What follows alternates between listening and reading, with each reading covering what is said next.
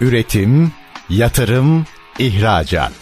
Üreten Türkiye'nin radyosu Endüstri Radyo sizin bulunduğunuz her yerde. Endüstri Radyo'yu arabada, bilgisayarda ve cep telefonunuzdan her yerde dinleyebilirsiniz. Endüstri Radyo.com Erim Hısım'ın hazırlayıp sunduğu İşimi Çok Severim programı başlıyor. Değerli dinleyenler, yine işimi çok severim de beraberiz. Valla bu program değil, bu iş de değil, benim aşkım desem yeridir. Ve yapmaya çalıştığımda aylardır benim gibi olaya bakan insanları buraya getirmek, mikrofonlara getirmek, bazen bugün olduğu gibi onları bir araya getirdiğimizde oluyor. Ne demek istiyorum? İki konuğumuz birden var bugün. Süleyman Yüksel ve Emre Gürsoy. Önce hoş geldiniz. Hoş, Hoş bulduk, hocam. Hoş bulduk. Ee, ne iyi ettiniz de geldiniz. Bizler de sizleri gördük. Çok mutlu olduk. Teşekkürler. Biz de çok keyifle geldik. Eyvallah. İnşallah aynı keyifle de buradan ayrılırız. Tabii ki. Peki biz bugün ne konuşacağız değerli dinleyenler? Aile şirketlerinde kurumsallaşma konumuz. Tahminim şu, şu an bizi dinleyenlerin çok önemli bir kısmını enterese eder. Ee, biliyorum profilimizi, dinleyici profilimizi bundan etkilenecek, e, kulağını dört açacak e, dinleyicilerimiz elbette vardır. Aslında konu beni de enterese ediyor. Erim ısım olarak. Niye? Ya benim şirketim yok. Aile şirketim de yok ama aile şirketlerine o kadar çok haşır neşirim ki bugün bunun biraz ufak tiyolarını alacağız. Biraz ders çıkarmaya çalışacağız hep beraber. Peki isimlerini söyledik konukların ama kim bu konuklar? Süleyman Yüksel Next Nextar'ın yönetim kurulu üyesi. Evet. Doğru değil mi? Doğru. Doğru hocam. Ee, Valla ben kendi adıma söyleyeyim. Dinleyenler de hemen sorgulasınlar. Çok bilinir bir marka bu. Evet. Değil mi? Türkiye'de hakikaten bilinir marka. Hatta Türkiye'de de değil. Dünyada Ee, da mı öyle? Dünyada da bilinir bir marka. Next deyince, Nextstar deyince Çin'de olsun, Avrupa'da olsun, O kadar. Orta Doğu'da olsun hemen diyorlar. Biz sizi biliyoruz, tanıyoruz sizi diyorlar. biliyoruz. Evet. Ya ben konudan uzak bir insanım. Yani bu tarz teknoloji şeylerinden falan ama e, ben bile biliyorum. Benim bilmemde haber değeri yokmuş. Dünya biliyorsa bana ne oluyor? Emre Gürsoy'a gelince EGG danışmanlık. Evet. Böyle mi telaffuz ediyoruz? EGG danışmanlık evet. EGG danışmanlık. Danışmanlık yapıyor Emre. Ee, Ne kadar oldu danışmanlığa başlayalım? Ee, aslında şöyle ben e, 20 senenin üzerinde kurumsal hayatta çalıştıktan sonra geçen sene Eylül ayında firmayı kurduk danışmanlık firmasını. Geçen sene Eylül ayında yani seneyi geçtik. Bir seneyi geçtik evet. Peki şöyle bir şey mi oldu? Ya yeter kardeşim ya. Nedir bu bordro mahkumluğu? bu nasıl niye niye oldu? Kurumsal hayat niye bitti? Kurumsal hayat benim açımdan Oradan şöyle da bitti. çaktırmadan konuya gireceğim yani bak. Tamam. Kurumsal hayat benim için şöyle 20 sene aynı kurumda çalıştıktan sonra başka 20 hiçbir sene yerde aynı kurum. Evet evet 20 sene aynı kurumda çalıştıktan sonra özel, özel sektörde artık bir yerden sonra hem kendimin gelişemediğini hem de başkalarını geliştirme ihtiyacı duyduğumu hissettim. Yani deneyimlerimi başkalarıyla da paylaşıp bir şekilde e, insanlara dokunabilmek ihtiyacı doğdu içimde. Bu vesileyle e, işte kurumsal hayata e, artık bir son verip başka kurumlara nasıl faydalı oluruz diye öyle bir düşünceyle yola çıktık. Aslında sevgili Emre bu o kadar yaygın istenen ve yapılamayan bir şey ki veya emekliliğe bırakılan bir şey. Emekli olacağım sahil kasabasına gideceğim. Niye sahil kasabası o bilmiyorum. Artık sahil kasabaları doldu galiba çok yer Evet, kalmadı evet. galiba. Oradan e, tersine göç başlayacak yakında ihtimalle. falan. Erteleniyor tabii bu. Evet. Ee, neyse bak, bak geliriz tekrar bu konuya. Bugün gelemezsek başka bir gün tekrar Her zaman. geliriz. Bizim programların e, hemen hepsi yarım kalıyor. Yani şöyle yarım kalıyor. Süreyi dolduruyoruz. Konuyu bitiremiyoruz. E, artık benim gevezeliğimden mi nedir? Bir de Laf geveze konuklar da buluyorum galiba. Laf açıyor. Açıyor. Süleyman'a daha söz bile veremedik yani. Şimdi sevgili Süleyman bir aile şirketiyle karşı karşıya mıyız biz? Evet. Peki kaç yıllık bir aile şirketinden bahsediyoruz? Şöyle söyleyeyim. e, bizim şirketimiz 1989 yılında kurulmuş bir şirket. 89. Ee, Evet. Kaç doğumlusun hep? 86. Sen 3 yaş büyüksün ondan. aynen, aynen. İyiymiş. Aslında yani bu açıdan baktığımızda şimdi benim bir ablam var. Ben varım. Bir de şirketimiz var. Biz aslında üç kardeşiz. Üç kardeşiz, evet. Bakıldığında. Evet. Baban öyle diyor mu? Babam öyle diyor tabii ki. Yani şirketi el bebek gül bebek e, büyüttüğü için aynen bu bakış açısıyla bakıyor. Peki bu şirket e, ailenin e, şımarık çocuğu değildir inşallah. Vallahi Küçüğü ya. Şunu söyleyeyim. E, ailede hakikaten e, şımarık kimse yok. Herkes sorumluluğunu biliyor. Sorumluluk sahibi. E, şirketimiz de öyle. Çünkü şirketi oluşturan bireyler Anladım. var biliyorsunuz. Şey e, tabii böyle diyorsun çünkü kaydediliyor değil mi? Sonra aleyhinde kullanılıyor. Sonra yarın ofise gidince başımız ağrımış. evet, bir de o var evet. yani. Niye böyle dedin diye demesinler. Evet. Ya aslında biz bize konuşuyoruz dört duvar arası. Kimse duymaz merak etme. Peki şimdi 89 kuruluş bayağı Ama Nexen Nexstar markası olarak baktığımızda 89 yılına dayanmıyor. Nexen Nexstar markasının e, 95-96 yıllarına dayanıyor. Öncesinde şirket kurulduğunda elektrik malzemeleri satışı yapıyormuş işte babamlar. yola çıkış farklı bir Yola şey. çıkış farklı.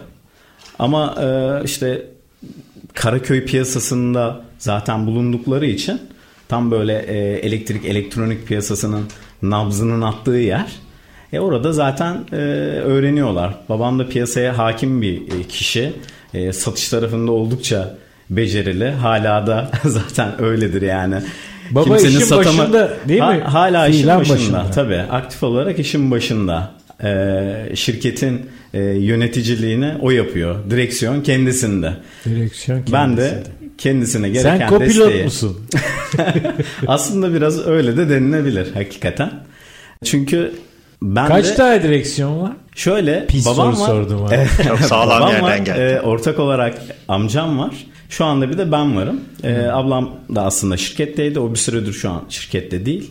Tekrardan bu sene inşallah Ablanın ayağını kaydırdınız yani. Öyle değildi. Aslında Değil şöyle bir durum oldu. Ee, hamile kaldı. Ondan sonra Oo, bir güzel. ara vermek zorunda kaldı. Anladım. Şimdi tekrardan Güzel. başlayacak. Hayırlı sebeplerle olmuş. Evet, evet, evet. Yoksa ihtiyacımız var kendisine. Olmazsa tamam. olmaz tabii, Tabii ki. kaydediliyor ne olur ne olmaz.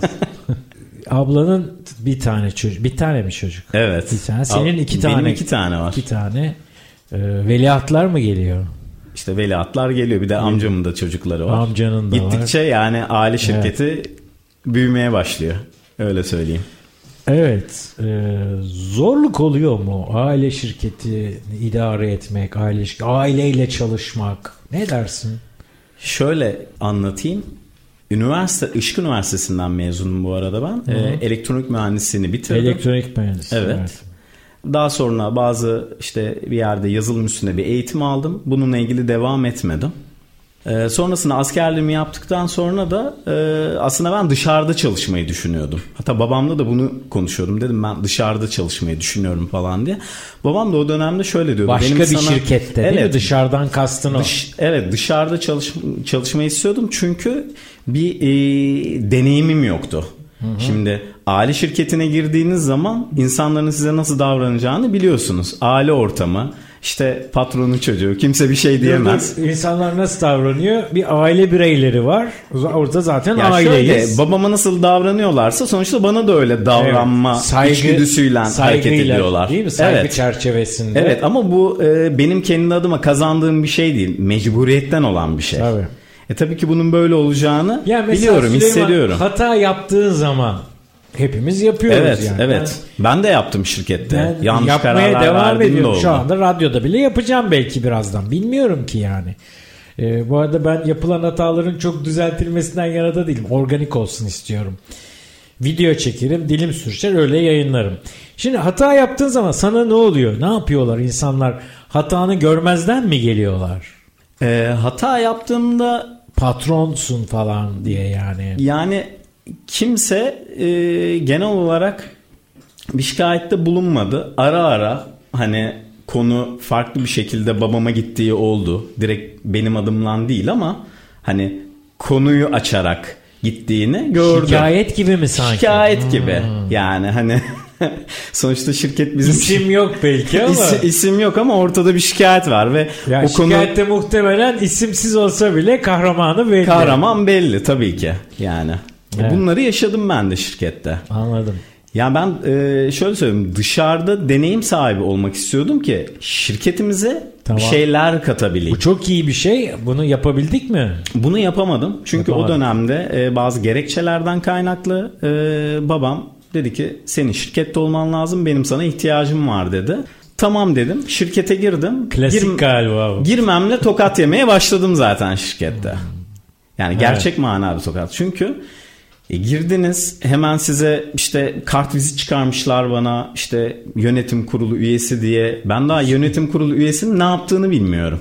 Yani hakikaten tam üniversiteden mezun olmuşum. Evet. Bir şeyleri öğrenmişsiniz falan ama bu böyle teoriyle olacak bir şey, değil. şey Yaşam deneyimi çok önemli.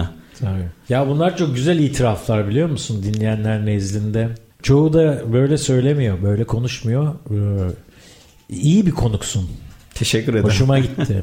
Peki e, Emre masanın öbür tarafında sen varsın. Evet. şey hani konumuz ne? Aile şirketlerinde kurumsallaşma ya. Evet. Ya acaba aile şirketi kötü bir şey mi? Bunu kurumsallaştırmak zorunda mıyız? Ne dersin? Ya aile şirketi kötü bir şey değil. Aslına baktığınızda hani mesela Türkiye'de de e, çoğu şirket aslında aile şirketlerinden geliyor. Herhalde %90'ı 95'i aslında aile şirketi. Temelinde bu. Şimdi kurumsallaşma tarafına baktığınızda ise aslında hani kurumsallığın ne olduğuna da bakmak lazım. Hani kurumsal deyince kafanızda ne oluşuyor? Evet. Hani bir kalkıp da bir banka kurumsallığı mı oluşuyor? Ya da bir işte bir inşaat sektöründeki bir kurumsallaşma oluyor. Hangi sektördeyseniz Onu da bir on- tanımlamak Onu da bir lazım. tanımlamak gerekiyor. Biz mesela işte e, Süleymanlarla çalışmaya başladığımızda e, şunu gördük hani sonuçta işte bilişim sektörü, elektronik sektörü olarak adlandırılan bir sektördeler. Şimdi biz şunu gördük o ailede. e, bir kere ailenin biz ilk başladığımızda çalışmaya Mayıs ayında başladık biz bu arada projemize. Biz tüm çalışanlarla değerler çalışması yaptık. Arkasından tüm çalışanlara kişilik envanteri testleri yaptık. Sonra da baktık ki günün sonunda Next and Next'ın 5 tane ana değeri var. Bunların başında birincisi tek takım olmak, aile olmak. Ee, sonra kapsayıcılık tarafı çok yüksek. Saygı çok değer veriyorlar. Güven ve gelişim. Bununla paralel olarak baktığınızda zaten hani yapı çok açık. Tamam bir aile ama aile gelişmek istiyor ve şu anda ikinci jenerasyon yönetimde yavaş yavaş daha da giderek aktifleşmeye başladığı dönemde bu e, gelişim isteğinde de işte bu kurumsallaşma projesine başladık. Kurumsallaşma projesi dediğinizde ne? Yani %100 kurumsallaşma olmalı mı? Bence olmamalı. Her aileye göre, her şirkete göre bunun bir anayasası zaten oluşturuluyor. Bu anayasalar çerçevesinde ailenin içerisindeki bireylerin kendi bulunacağı pozisyon netleştiriliyor. Ee, biz şu anda bu çalışmada e, işte 5. ay 6. ayımıza giriyoruz artık. Şu ana kadar biz neler yaptık? İşte bu az önce söylediğim değerler çalışmalarını yaptık. E, ondan sonra e, bütün bu çalışanlardan yola çıkarak kurumsal kimlik envanteri de çıkarttık. Burada baktık ki e, Next and Next'ların zaten temelinde hep sevgi yatıyor. Dolayısıyla tüm çalışanlar birbirine karşı çok sevgiyle bakıyor. Az önce Süleyman'ın da bahsettiği gibi işte. Tutkal bu aslında. Tutkal bu. Bir aidiyet var. Mutlaka tabii ki baştaki yönetime karşı bir saygı var ama sahiplenme de çok yüksek firmada. Dolayısıyla yaptığınız kurumsallaşma çalışmaları içerisinde de aslında özünde şunu yapıyoruz. Daha prosedürel, daha talimatlara uygun. İşte görev çalış görev analizleri, iş analizleri falan yaparken çalışanları ne yaptıklarını dinleyip onlara dokunabilecek yöneticiler yetiştiriyoruz aslında. Yapıyı da böyle kuruyoruz. Çalışanı dinleyen, çalışana saygı gösteren, çalışanın da karşısındakine tabii karşılıklı bir denge bu. Aslında özünde yapmaya çalıştığımız bu. Bunlar öğrenilebilir şeyler mi? Yoksa biraz hani çok kullandığımız tabir fıtrattan mı gelmesi lazım? Altyapımızda mı olması lazım? Öğrenebilir miyiz biz bunları? Ne dersin? Fıtratta olması evet bir şey çok abiyane tabirle okey ama e, ben çok katılmıyorum. Bu öğrenilebilir şeyler ama sizin içinizde olması da lazım. O tarafından dolayı fıtrat tarafı da var. İçinizde olunca siz gelişime açıksanız. Potansiyelimizde olacak ama onu performansa dönüştürmek için Evet. bazı vesilelere ihtiyaç Kesinlikle, var. Eğitim kesinlikle. belki bunlardan bir tanesi. Eğitim çok değerli. Daha eğitimli bir jenerasyon. Evet. Ve tabii şu anda ekibin de çok gelişime açık olduğunu görüyoruz. Biz mesela Next'ten Next'larda. Biz mesela işte iletişim çalıştayı yaptık. Çok basit gelebilir ama kurumsal e-mail yazılımı ile ilgili bir eğitim bile verdik. Bunun bile geri dönüşleri çok keyifli. Ee, şirket içerisinde bunların dokunuşlarını görmek çok büyük bir keyif veriyor. Bu arada biz tabii e, tüm çalışanlara koçluk mentorluk da yapmaya başladık.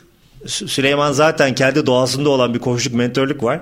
O zaten bunun içerisinde yaşayarak yapıyor. Biz de e, hani EGG olarak tüm çalışanlarla en ufak bir şeyleri olduğu zaman işle ilgili olur, özel hayatla ilgili olabilir.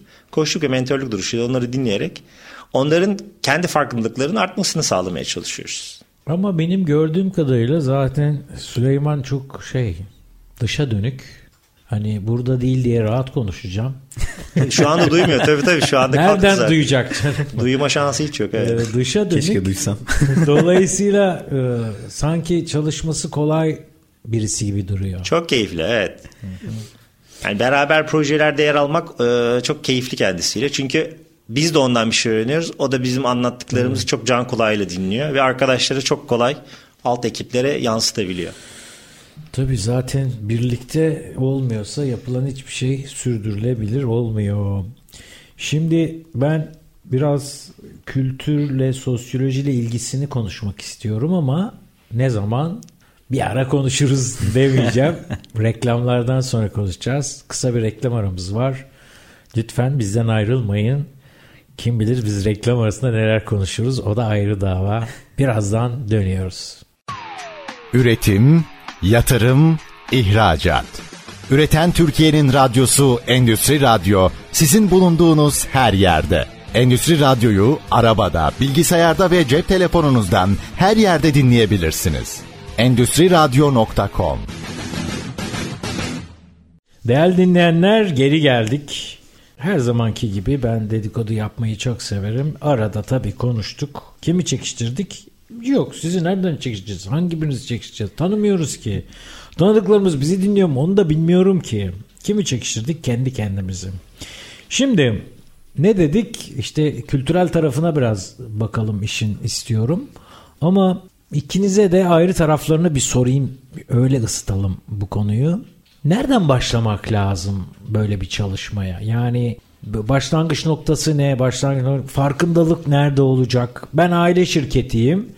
Ondan sonra Süleyman ben cevap vermek istiyorum diyor. Evet, parmak Ee, kaldırıyorum. e- elini kaldırıyor şu anda. Ee, betimlemek lazım radyodayız ya görmüyorlar. Tabii hemen söz hakkını istiyorsan veririz. Heyecanlı. Yani şey ya ben aile şirketiyim ben kurumsallaşmak istiyorum mu demeliyim. Bunu nereden anlamalıyım? Nasıl hissetmeliyim? Bunun bir şey teşhisi nerede? Ee, efendim tahlil mi yapılıyor? Bir kısmını Süleyman'a sonra geri kalan kısmını Emre'ye soracağım. Buyurunuz. Şöyle şirkete başladığımda başladığım dönemde şimdi üniversiteden mezun olmuşuz ya bir şeyleri de artık biliyoruz, görüyoruz, araştırıyoruz falan. Tabii ki girmişiz aile şirketine. Diyorum ki bu- bunun böyle olması lazım. Şunun şöyle olması lazım. Baya böyle sanki bir robotmuşum gibi kendimce kararlar veriyorum. Ama içinde bunun bir şey yok yani duygu yok. Bir do- doğru olduğuna inandığım bir kararı söylüyorum. E bunlar insanlarca biliniyor. Duygu biliniyor. yok. Mantık Duygu- var mı? Mantık var evet. Yani tamamen mantığa Mantık dayalı. doğru mu orada? Yani birikim fazla olmadığı için söylüyorum. Aslında mantıkla ilgili problem yok. Dengeyle ilgili problem var. Ben bunu gözlemledim. yani ikisinin de olması gerekiyor. Tabii, anladım. Hatta şimdi e, bunu da konuşuruz. E, şu anda bizim şirkette e, kurumsallaşma adı altında yapmaya çalıştığımız şey zaten bu. Dengeyi yakalama, sahip olduğumuz değerleri içimizde tutarak kurumsallığı oluşturma. Çünkü kurumsallık dendiğinde insanların ne anladığı da çok önemli.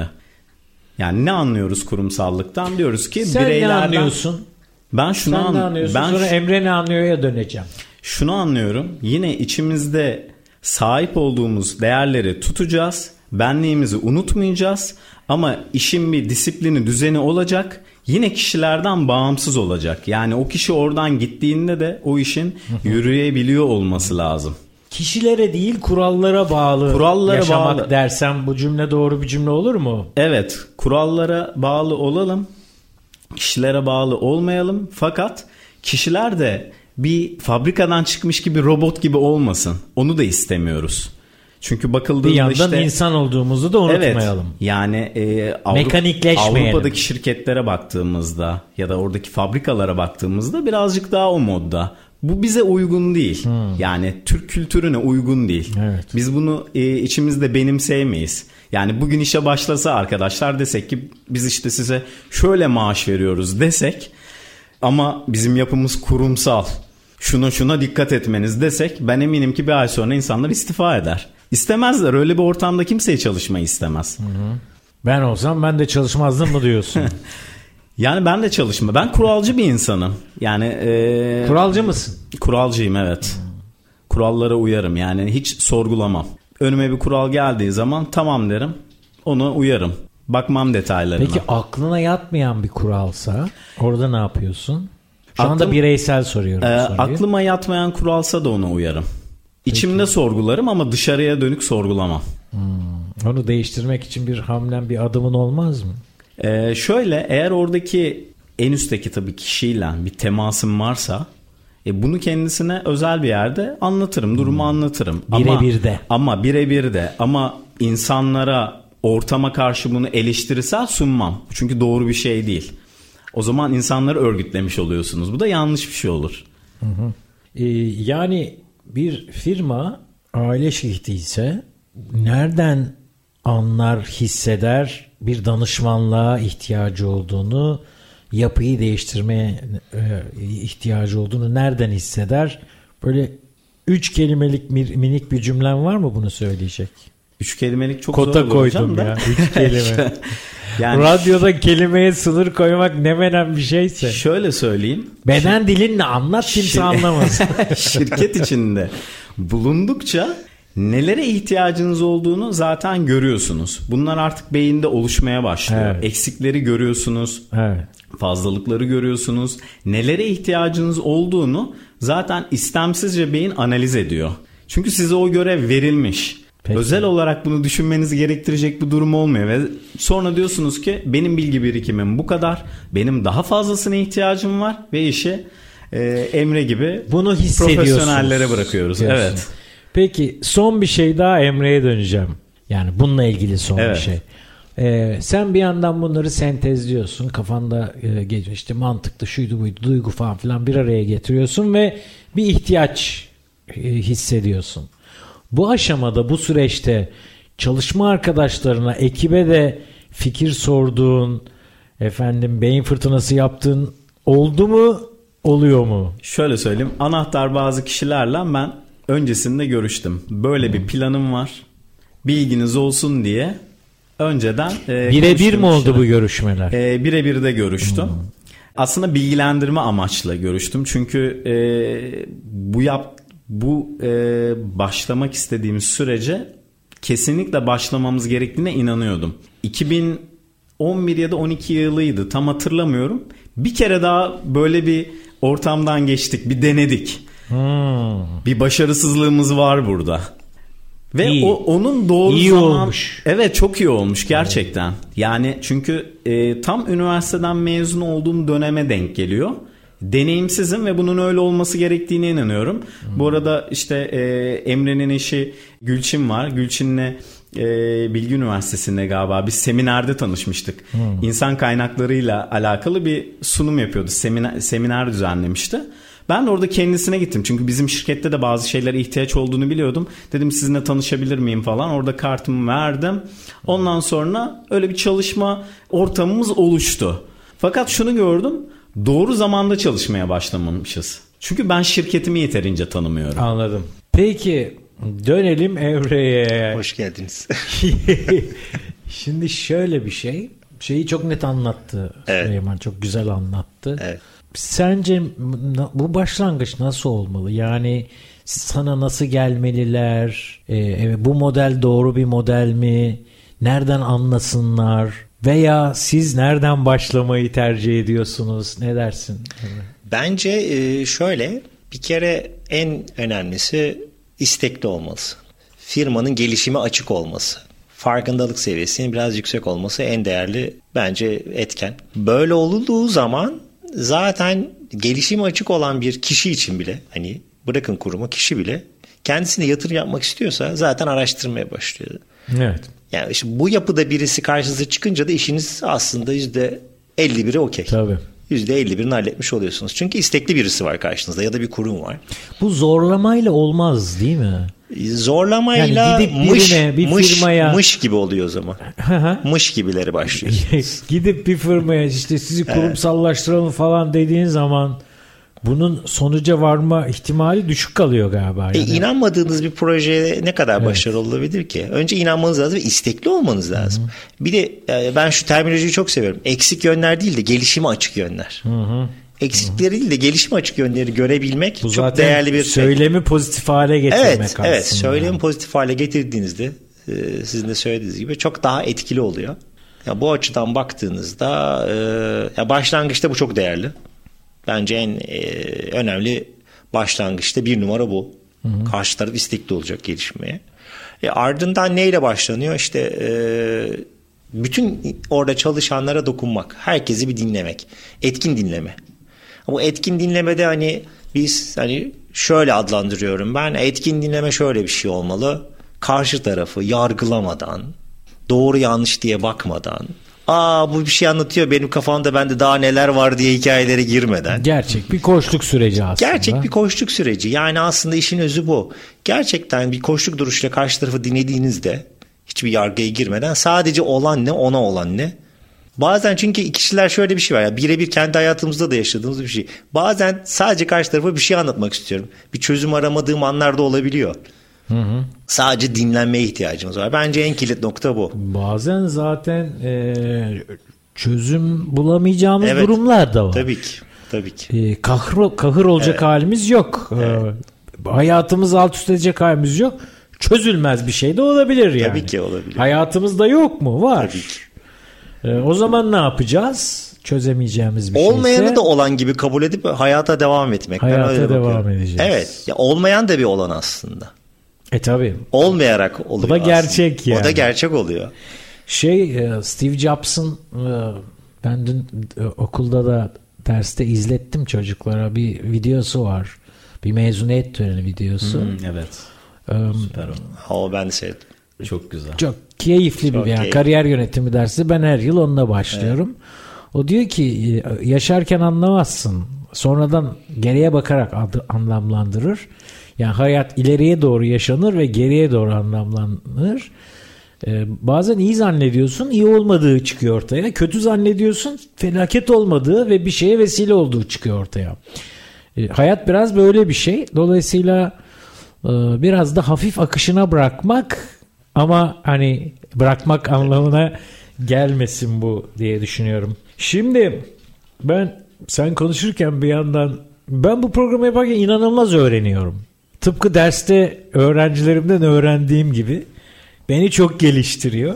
Tahmin ediyorum e, danışmanlık süreci de firmaları geliştiriyor. Evet kesinlikle. Yeter ki dinleyelim. Evet.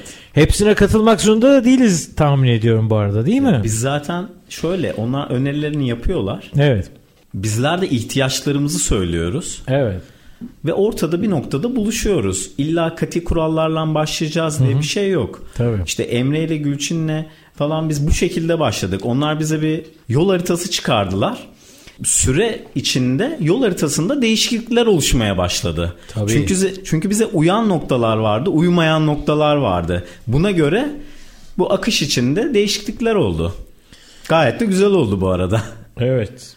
Burada da gördüğünüz gibi işte bu çok popüler şey var. Agile çok havalı. İşte çevik bakış açısı bize Evet, çok evet, fayda evet, getirdi. evet, evet. Çünkü bir şeye standarda böyle bir kalıbın içerisinde kalmaktansa Evet. anlık durumu analizini yaparak ona göre gerekiyorsa e, programda planlamada değişiklik yaparak bize daha uygun o an için. Kendimize uyan bir Aynen. e, gömlek, takım elbise Evet. arayışı içindeyiz aslında. Ah bu kalıplar. Hayatım onlarla mücadele etmekte geçiyor. Geçti diyemeyeceğim. Çünkü o kadar çok kalıp var ki. Seni dinlerken aklıma şey geldi. Hmm, bambaşka bir konu ama bağlantısını kurduğumu ümit ediyorum. iki türlü hasta var. Ee, sağlık sektörüne girdim şu anda. Ee, cahilce cesaretim oradan geliyor. Yatan hasta var. Ayakta hasta var. Galiba sizin iş işte zaman zaman benim de bulaştığım iş ayakta hastaya denk geliyor. Yatan hasta belki e, sağlıkçılar için çok kolay. Çünkü sorgulaması yok. Serumuna kat ilacı pasif o zaten. O ne desen yapıyor. Daha doğrusu demiyorsun, yapıyorsun o uyuyor. Evet. Ayakta hasta reçeteyi yazıyorsun. O ister yapıyor ister yapmıyor. Yapmama hakkına sahip sorgulama imkanı var.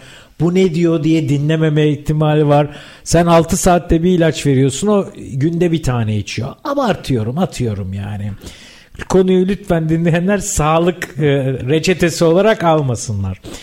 Bunu nasıl yorumlayalım Emre senden ve sonra Süleyman'dan beraber istiyorum. Ya bence bu şey yani az önce söylediğiniz e, benzetme çok hoşuma gitti. Yani bu ayaktaki hasta kendisini gerçekten iyileştirmek istiyorsa sizi dinliyor. Ama kendi vücudunu da dinleyerek. Kendi doğasında olanı da dinleyerek. Mesela işte bizim işte en büyük rahatlığımız o Süleyman'da. Kendi doğalarında olanı bilerek, kendi Evet. değerlerinin farkında olarak o ilacı ya da o tedaviyi kabul ediyorlar. Her tedavi onlar için doğru bir karar olmayabilir. Yani her şeye aspirin vermek gibi hani vardır ya öyle bir şey yani baş ağrısına da şey ama her zaman o formül her zaman aspirin her hastalığı çözmüyor. Yani Emre diyor ki günde 4 defa ilaç alacaksın. Ben bakıyorum ki bu ilaç bana fazla ben 3 Evet. defa alıyorum. Evet. Ama almam gerektiğini biliyorum. Ya 4 alman gerektiğini bilerek mi 3 defa alıyorsun? Şöyle onun önerisi 4 ise ben diyorum ki 3 bana yeter diyorum. Çünkü 4 bir anda fazla olabilir. Biz şu anda süreci bu şekilde ilerletiyoruz. Onlar bizim ihtiyacımızı bize sunuyor. Anladım. Biz gerektiği kadarını alıyoruz. Sonra devam ediyoruz.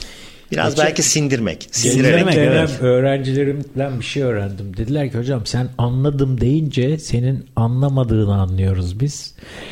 Biraz evvel anladım dedim. Ama bunu anlamaya ihtiyacım olduğu kesin. Ne zaman anlayayım? Reklam arasından sonra bunu da anlayayım istiyorum.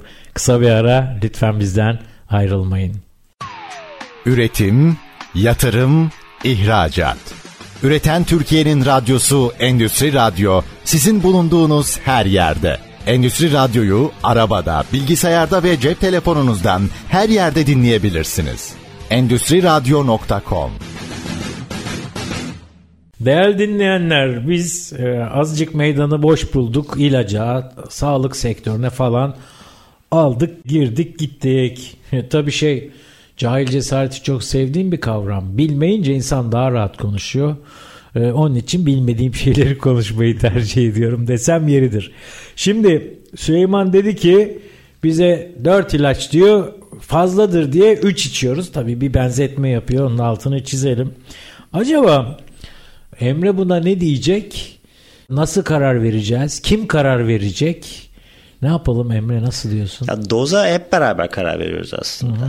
Ya tabii ki Ya o 4 yerine 3 içeceğini sana söylemeli mi? söylemeli ki ben de ona göre aksiyon planını revize edebileyim. Uzlaşmanız Tabii lazım bir uzlaşma kere yani. olmadan olmaz. O Yani uzlaşma yönetimi çok Ayakta hastanın riski bu işte. Evet. Benzetme iyi oldu galiba değil Çok mi? iyi oldu. Ben çok kullanacağım bunu izninizle. A- Ayı veriyorsun. Ben İban'ımı vermiş miydin?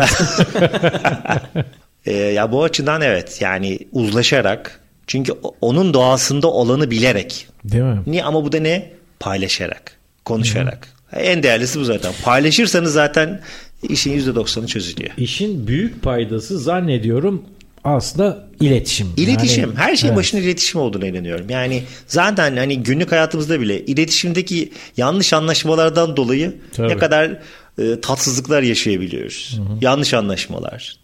Evet. Dolayısıyla hani azıcık da ironi var burada. 4 ilaça 3 falan filan derken Evet onu aslında şunu kastettim. Ha, aç istersen. e, zaten sürekli iletişim halindeyiz. Gerçekten iletişim benim için de çok çok önemli bir şey. Bütün e, yani ya bir telefon sorunlar- uzaklığındayız lafı uyar mı buna? E, biz zaten sürekli mesajlaşıyoruz. Mesajlaşıyoruz. Ee, konuşuyoruz. En ufak bir şey olduğunda ben muhakkak hemen bilgilendiriyorum. Çünkü e, sonuçta bizim danışmanlarımız her Evet. türlü e, konuyla ilgili bilgilerinin olması gerekiyor ki ona göre aksiyon alsınlar. Sadece benim bilmem yetmiyor. E, bu tarafta koordineli gidiyoruz zaten. İletişim Ben- kanalları açık. Evet. Emre Evet. engellemeyi düşünür müsün Süleyman'ın? Yok çok keyifli bir iletişimimiz var. Hiçbir zaman düşünemiyorum. Tünele Çok- girdim çünkü, falan. Çünkü burada dostluk var. Bu işin temelinde dostluk var. Tünele girdim ses gelmiyor falan. Alo alo alo. alo alo alo diye. Kağıt ışırdatıyoruz arkadan sesler gelmiyor diye. Evet gayet keyifli diyorsunuz. Peki bir şey soracağım. Şimdi mesela kız babası sendromu yetiştirdim büyüttüm kızımı kimler alacak? Kızım yok ama hani empati yapmayı becerebildiğimi düşünüyorum. Efendim acaba şirketi kuran birisi için böyle bir şey oluyor mu? Yani bu benim evladım kimlere gidecek? ne dersin Süleyman? Hocam doğru bir noktaya parmak bastınız diye hakikaten öyle. Çünkü Ben dinleyenlere söyleyeyim valla program öncesi çok konuş hemen hemen hiç konuşmadık. Sohbet ettik ama programa ilişkin bir şey konuştuk Yok mu? yok hiçbir şey konuşmadık. Bunlar doğaçlama gelişi. Evet, Evet, dinliyoruz. Ama, ama hakikaten doğru bir noktaya parmak bastınız. Çünkü şöyle şirkette bir şeyler yapmak istiyorsunuz. Ben bunu işte babamla konuşuyorum. Ondan sonra ilk dönemler hatırlıyorum babamla konuştuğum zamanlar babam diyordu ki git işte şu abinle konuş, şununla konuş, paylaş falan diye. Şirketten birileri mi onlar? Şirketten birileriyle. Yani örnek vereyim şimdi hani Evet. çok ünlü bir telefon markası var. Evet. Şu anda çok yaygın en popüler markalardan biri öyle söyleyeyim. Herkes anladı Onu ilk, olduğunu. e, ilk o kullanıcıların kullanıcılarından biriyim. Hmm. O zaman daha işte uygulama falan böyle bakıyorum e, uygulama şeyinde marketinde hemen gittim babamın yanına. Bizim dedim acil dedim bir uygulama ihtiyacımız var. Vay. Yani. Bu arada şu anda uygulamamız yok ama o zaman, o zaman dedim ihtiyacımız var. Niye? Aslında niye olduğunu da bilmiyorum Kaç ama. sene önce bu? Ee, 2009-2010 yılı falandı. 2010 ya, bayağı Öyle olmuş. söyleyeyim. Ben biraz erken gidiyorum şirkette birçok şeyde de. Bu Maalesef arada bunun da- tam bir e, radyocu gibi e, şu son 2 dakikamız 3 dakikamız hem marka vermiyorsun hem herkesin anlayacağı şekilde de anlatıyorsun. hem markayı hem uygulamayı herkes anlamıştır yani. Anlamamış olanlar şu an ondan haberdar değillerdir. Yani o kadar net bence, o kadar güzel. Yani şeydi bu arada konuya da hani dönersem tam orayı anlatamadım. Evet. Ee, babamın çekinceleri oluyordu benim hani verdiğim kararlarla alakalı. Ben farkındayım onu hissediyorum. Tamam yanımda oğluyum ama e, sonuçta şirketi ilgilendiren bir durum. Şirketi ilgilendiren bir durumda bizim işte e, binlerce bayimiz var. Herkesi etkiliyor. Yani burada verilecek bir yanlış karar zincirleme. Binlerce alt- bayi mi var? Evet alt kurulumlara kadar iniyor. Yani satıcımız diyeyim hani. Bizim Tamam, ürünümüzü tamam. satan Anladım. noktalar diyeyim Tamam, bu bayi, noktada. ba- bayi daha şık, bayi değil. Bay daha havalı oluyor diye bay diyeyim dedim. Peki bunu sana soruyor gibi yapacağım ama aslında Emre'ye soracağım galiba. Sizde şöyle bir şey var mı? Profesyonel bir yönetici var mı? Aile dışından. Yok. Yani icra kurulu gibi oluyor bu genelde. Evet. Yani öyle nitelendiriyorlar. Bizde böyle bir şu anda oluşum Şu anda yok. böyle bir oluşum yok. Bilmiyorum olur mu?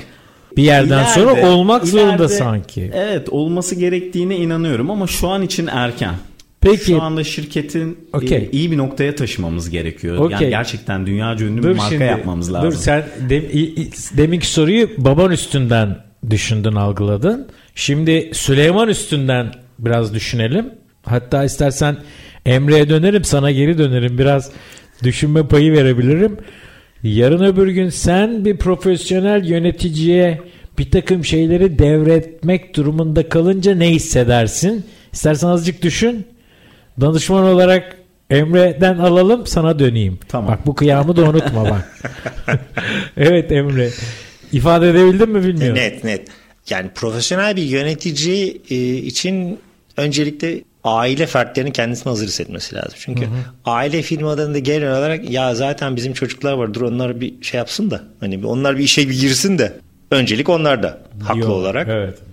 Çünkü o bakış açısı olarak oradan bakıldığı için öncelik olarak e, normal. Hani bunu da kabul etmek lazım ama bununla beraber de globalde baktığınızda birçok aile şirketinin bir süre sonra az önce sizin de ifade ettiğiniz şekilde profesyonel bir yöneticiye belirli yetkileri vererek daha yukarıdan bakabilecek pozisyona geçtiklerini görüyoruz.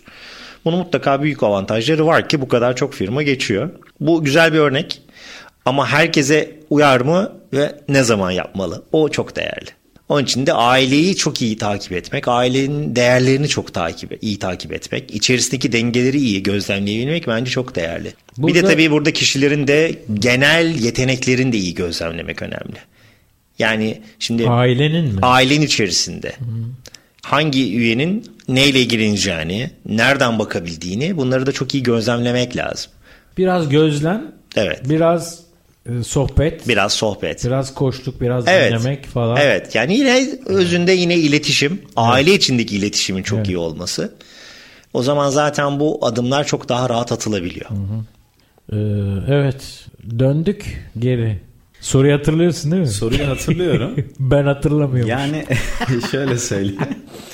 hani şirkete bir yönetici gelse evet. diye nasıl yaklaşırdım? Evet. Şöyle yapardım. Sahip olduğum bu bilgi ne varsa bunu belli bir dönem içinde kendisiyle yakın temasta çalışarak aktarmaya çalışırdım. Bunu şimdi niye söylüyorum? Aslında e, sadece yönetici tarafından bakmıyorum olaya. Şu anda benim e, şirket içinde ilgilendiğim e, konularla ilgili, yaptığım çalışmalarla ilgili de teslim ederken işi zaten bu şekilde yapıyorum. Emin hmm. olmaya çalışıyorum. Ama teslim etmem gerektiğine de inanıyorum. Çünkü e, önümü açmam lazım. Yapmak istediğim şeyler var ve kafamın meşgul olmaması lazım. Hmm. İnandığım, bunu yapabileceğine güvendiğim kişilere konuyu bir bir anlatarak aktarmaya çalışıyorum. Bir yandan da takip ediyorum tabii ki. Doğru aslında, mu yapıyorlar, yanlış mı yapıyorlar diye. Aslında bu anlattığın sanki şunu çağrıştırıyor. Sen buna bir neredeyse hazırsın gibi. Yani yarın öbür bugün nasıl işi birilerine devrediyorsan, çalışanlarına delege ediyorsan, evet. yarın öbür günde profesyonel bir üst düzey yöneticiye sanki hazırsın altyapın buna evet. çok müsait gibi geldi. Yani e, açıkçası şöyle söyleyeyim, e, kendimden birkaç tane olsun isterim. Niye? Kolay olsun hani. evet, bunu babana sormak lazım. kolaylıkla an. Hatta eşine sormak lazım. Süleyman istemez. Ev, evde e, yönetim kimde? Pis soru ya. Aa, İstersen evet. bunu silebiliriz yani. Pas diyebilirsin. Tabii ki e, bütün evlerde olduğu gibi kadınlarda. Tamam, wow. Bu böyle Açık yani böyle olmak happy zorunda. Happy wife happy life hocam. Tabii yani. canım. Yani. Tabii. Cennete açılan yol çünkü öyle Peki şey aklıma geldi aile şirketinin kurumsallaşması için çalıştığınız firma bir aile şirketi aslında. Evet. Bol bol da eşinden falan da bahsediyoruz. Bu arada ben ikisini de çok iyi tanıyorum. Evet. Emre Gülçin'i. Onlar beni iyi tanıyorlar mı bilmiyorum ama yani tanıyorlar da iyi bilirler mi onu bilmiyorum. Çok iyi biliyoruz. ee, bu denk geliş mi yoksa tercih mi Süleyman? Ee, Emre'ye de şeyi soracağım. Siz de kurumsallaşmayı düşünüyor musunuz? ha şöyle bir kere kendilerini tanıdığım için e, onlar da bizi bildikleri için arada bir güven duygusu var. Güven çok kritik. Güven çok mi? önemli. Ben Hı. eminim yani onlar bizim yanımızda e, yer aldığı müddetçe yapabileceğimiz, yapmak istediğimiz şeyleri rahatlıkla hayata geçirebiliriz. Hı hı. Yani bütün aslında buradaki anahtar kelime güven. Kritik olan bu. Hı hı. Yani kurumsallıktan öte ziyade hatta e, güven demek lazım. Burada siz kurumsallaşacak mısınız Emre? Daha Coming soon. Siz, size pek yakında. Pek, pek yakında. Biz de sizden danışmanlık alalım. Ee, şey biraz değindik ama kültür. Evet. Mesela ben tanık oluyorum aslında şunu şöyle bağlayayım. Yani ben danışmanların, danışmanlık firmalarının kurumsal olmasından yana değilim. Müthiş kötü örnekler var. Şu an belki dinleyenlerin de e, çağrışmıştır zihninde bir takım şeyler. Özellikle bu kötü örnekler de çok uluslu. E, neden? Ya işte kültür e, Süleyman sen de değindin. Yani belki bir başka yerde güzel uygulanabilir ama bize uymuyor. Biraz hat couture, biraz butik olması lazım. Mesela ben kendimden örnek vereyim. Takım elbise gerçi almayalı yıllar oluyor ama alacak olursam ben takım elbise çok zor alıyorum. Çünkü bedenimle bacaklarım falan filan e, uymuyor birbirine. Yani altı başka üstü başka. Onun için tek ceket alabiliyorum. E, diktirmek de falan tarihte kaldı. E, muhtemelen artık daha pahalı. Dolayısıyla biraz butik olması lazım geliyor bu işin diye düşünüyorum. Bunu sen de değindin ve çok enkaz görüyorum. Yani yarım kalmış proje, ağzına yüzüne bulaştırılmış şeyler. Dolayısıyla buna ne dersiniz? Katılır mısın Emre bana? Ben katılıyorum. Yani e, dediğiniz gibi çok ne yazık ki bu tarz örnekler çok. Ee, ya bizde e, hani kurumsallaşma evet sizinle benzer açıdan bakıyoruz. Hani danışman firmaların üçüncü göz kalabilmesi için bence e, kendilerinin kurumsallaşma ne diyeyim yolculuklarını biraz daha dikkatli planlamaları gerekiyor. Tamam müşterilere danışmanlık yapmak güzel de aynayı kendine tuttuğunda da çok Değil dikkatli mi? gitmek. Değil mi? Yani bir acı ilaç durumu var. Bu Evet. hepimiz için geçerli. Evet, Yani evet. ele verir talkımı kendi yutar salkımıydı galiba laf. Yanlış söylediysem dinleyenler şu anda düzeltsinler. Ee, iki tane haber var Süleyman, Emre. Ee, biri kötü biri iyi. Önce, Kötüden başlayayım. Önce kötüler hep öyledir değil mi? Öyle Önce kötüden kötü. başlayalım. Program bit, bitti. Süremiz doldu. İyi Ben haber. alışmıştım ama. Tam ısınmaya başladım. İyi haber benden kurtuluyorsunuz. o kötü, o daha kötü haber. Çok teşekkür ediyorum. Biz teşekkür ederiz. Biz teşekkür ederiz. Tıpkı Şahaneydi. tahmin ettiğim gibi konuşacak bir sürü şey var. Çünkü bir yandan ben e, dinleyenlere söylemiş olayım. Deli gibi not alıyorum. Konuştuklarınızdan bir şeyler çağrışıyor. O onu tetikliyor vesaire. Bir sürü konuşacak şey var. E, devamını getiririz. Artık birlikte mi gelirsiniz? Süleyman babanı da mı getirirsin? Olur babam konuşmayı sever. Sever mi? Tabii. Valla onu Çok- da çok- yapalım bir gün. Erol Bey çok keyifli. evet. Eyvallah. Çok paylaşımcı. Ayağınıza sağlık. Çok teşekkürler. Biz teşekkür ederiz. İyi ki geldiniz. Çok Keyifli oldu. Değer kattınız. Değerli dinleyenler bir işimi çok severimi daha bitiriyoruz. Gördüğünüz gibi ve benim tahmin ettiğim gibi işini seven iki tane konuğumuz oldu. Ben işimi seviyor muyum? Asla. Ben çalışmıyorum. Canım ne isterse onu yapıyorum. Birileri karşıdan bakıp iş zannediyorlar. Bir başka hafta bir başka konu bir başka konukla yine işimi çok severim de birlikte olacağız. Hoşçakalın. Sağlıcakla kalın.